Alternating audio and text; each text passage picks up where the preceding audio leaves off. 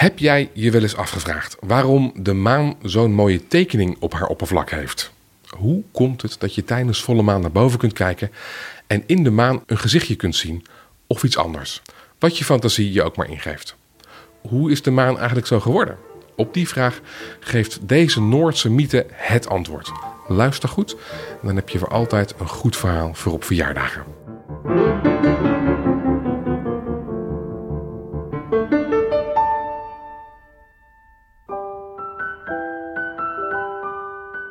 Tim Talisman, hartelijk welkom. Centraal in dit verhaal staat de Noordse god Loki. Wie is dat? Loki, dat is de god van de grap en ook van het vuur. Wordt gezien als soms een god, soms een reus. Uh, helpt de goden ook vaak, maar brengt ze ook vaak wel eens in problemen. Goed, nou, ik ben reuze benieuwd. Uh, begin met het vertellen van uh, dit verhaal.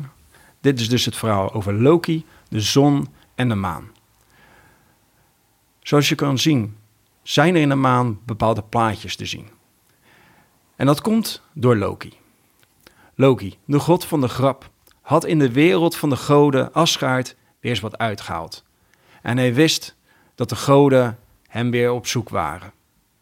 Hij wist ook dat er één god naar hem op zoek was, die hij niet achter zich aan wilde hebben.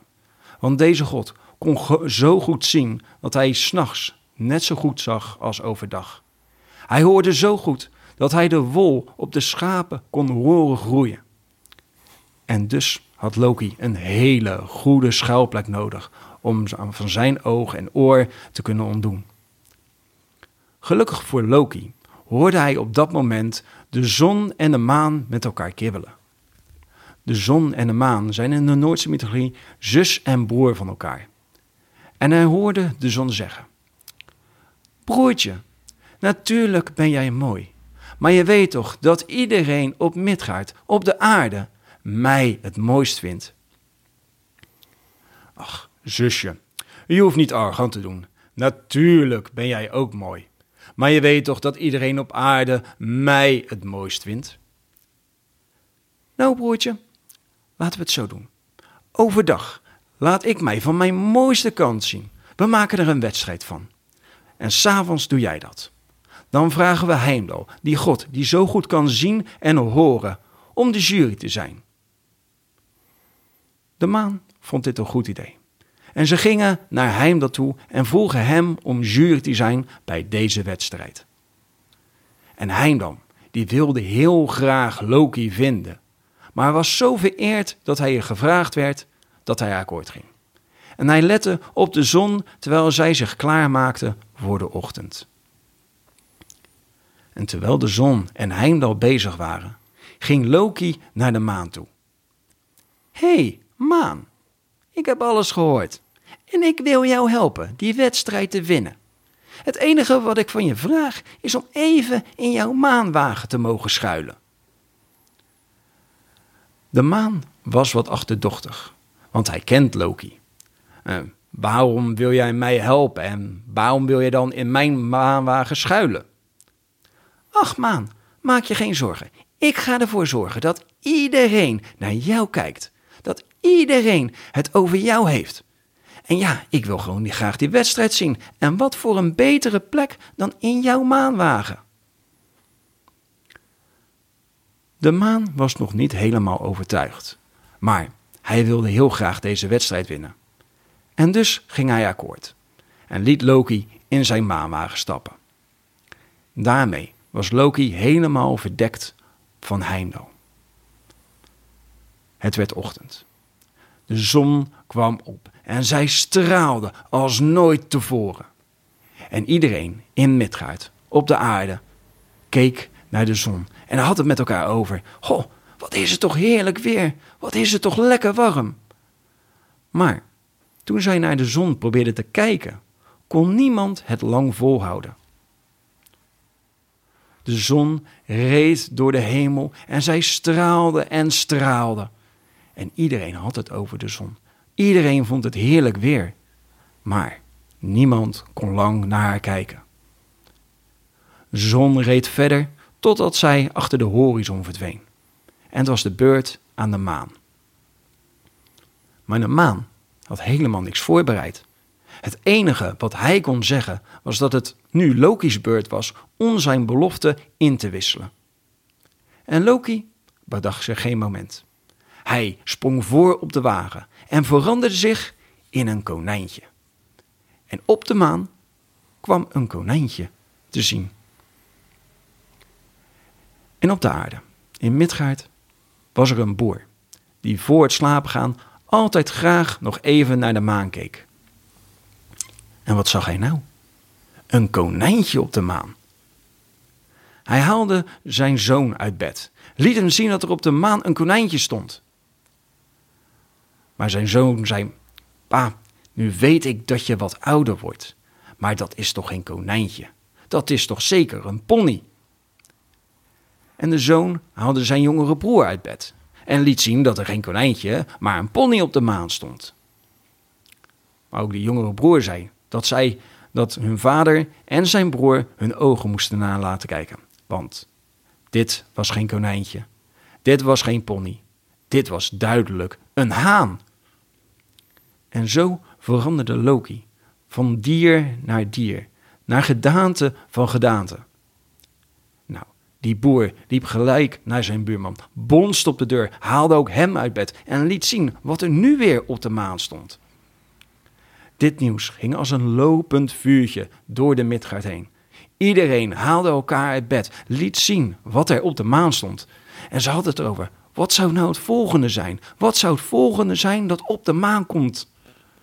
En dat ging de hele avond door. Loki veranderde en veranderde. En voor hij bij de horizon was, veranderde Loki nog één keer in een grote, brede grijns. Zo wist Heimdall wie het nu was, wie voor deze plaatjes zorgde. Heimdall ging naar de andere goden en vertelde wat Loki had gedaan. De goden vonden dit zo'n goede grap dat Loki vergeven werd voor zijn oude. Wat was het eigenlijk? Nee, ze konden het zich niet eens meer herinneren. Zo erg zou het ook weer niet zijn geweest. Dus Loki mocht weer terug. Maar voordat hij terugging, gaf hij de plaatjes die hij maakte op de maan aan de maan, zodat hij die nu nog steeds kan laten zien. De wedstrijd was voorbij. En dat was duidelijk. De maan had gewonnen. Maar toen de zon hoorde hoe de maan had gewonnen, werd ze kwaad. En de volgende dag reed zij nog stralender door de hemel. Zo woedend was zij. En nu kon bijna niemand meer dan een seconde naar de zon kijken. En nu ken ik vele verhalen. Ik heb er vele gelezen. Ik heb er alleen nog niet één tegengekomen die vertelt hoe lang een vrouw boos kan blijven. Want ik denk dat als we morgen naar de zon kijken, we het nog steeds niet langer vol kunnen houden dan een seconde. Prachtig, wat een prachtig verhaal. Dankjewel. En wat ik zo bijzonder vind, is dat uh, in alle sprookjes en mythen en zagen die verteld worden over de hele wereld, een deel daarvan bestaat uit uh, ontstaansgeschiedenissen. Hoe ontstaan walvissen, hoe ontstaan kinderen, hoe ontstaan wat dan ook. En dit verhaal vertelt dus hoe de maanvlekken zijn ontstaan. Inderdaad.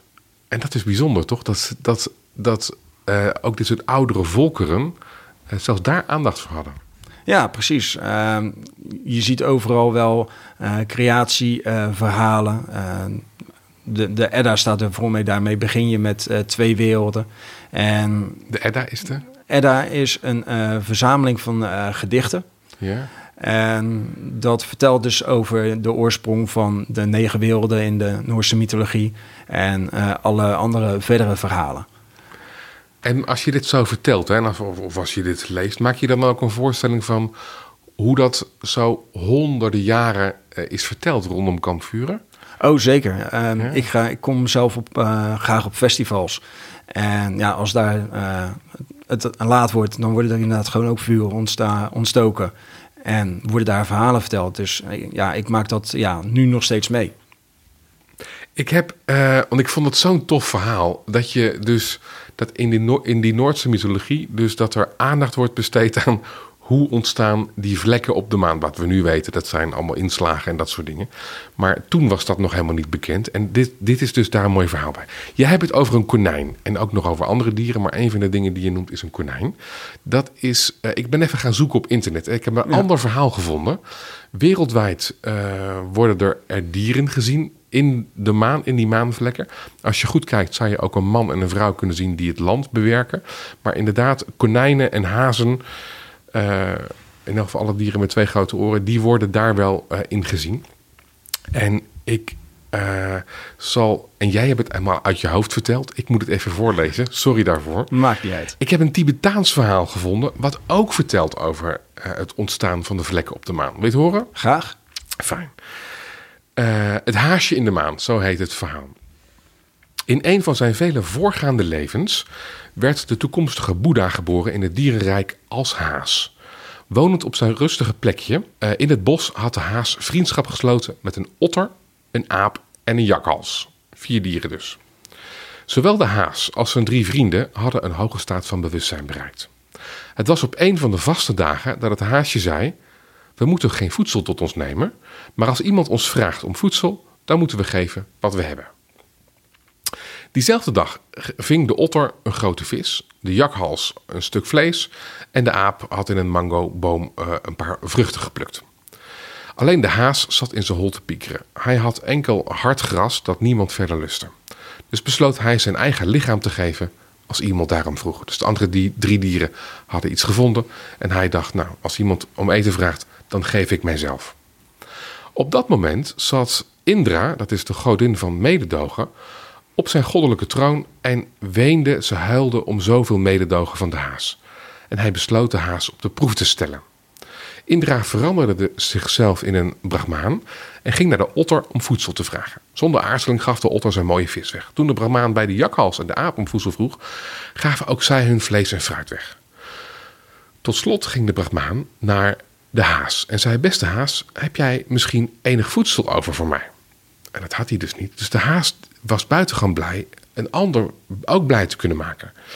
Verzamel wat hout om een vuur te maken en vertel me wanneer het goed brandt. Dat is wat de haas zei.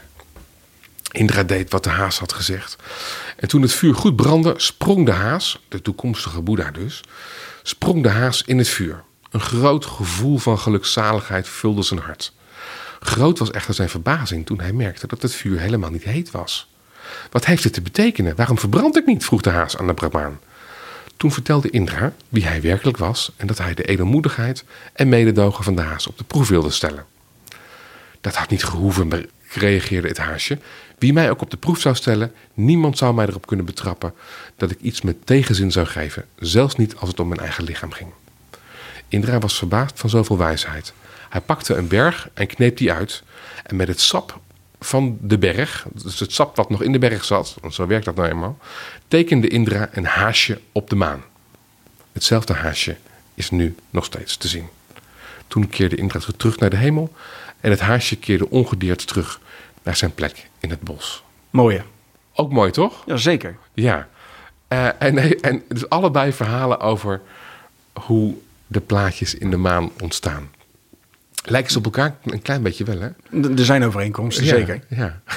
En bijzonder dus dat er uh, eeuwenlang, uh, duizenden jaren lang misschien zelfs wel, allerlei verhalen zijn verteld over de ontstaansgeschiedenis hiervan. En een deel daarvan zullen we niet eens meer weten, omdat ze verloren zijn gegaan. Ja. Zo is dat nog eens. Ja, inderdaad. Ja, er zijn natuurlijk heel veel verhalen voornamelijk uh, oraal verteld en zijn niet opgeschreven. Ja. Uh, nou, uh, tot zover deze aflevering. Die ging over het ontstaan van de vlekken op de maan. In de Sprookjespodcast, dankjewel voor het luisteren. In de Sprookjespodcast hoor je elke aflevering een nieuw sprookje van over de hele wereld. Mijn naam is Basti Barancini en vandaag hoorde je verhalenverteller Tim Talisman. Hij vertelt vooral Noordse en Germaanse mythen en zagen. Hij vertelt zijn verhalen onder meer op festivals.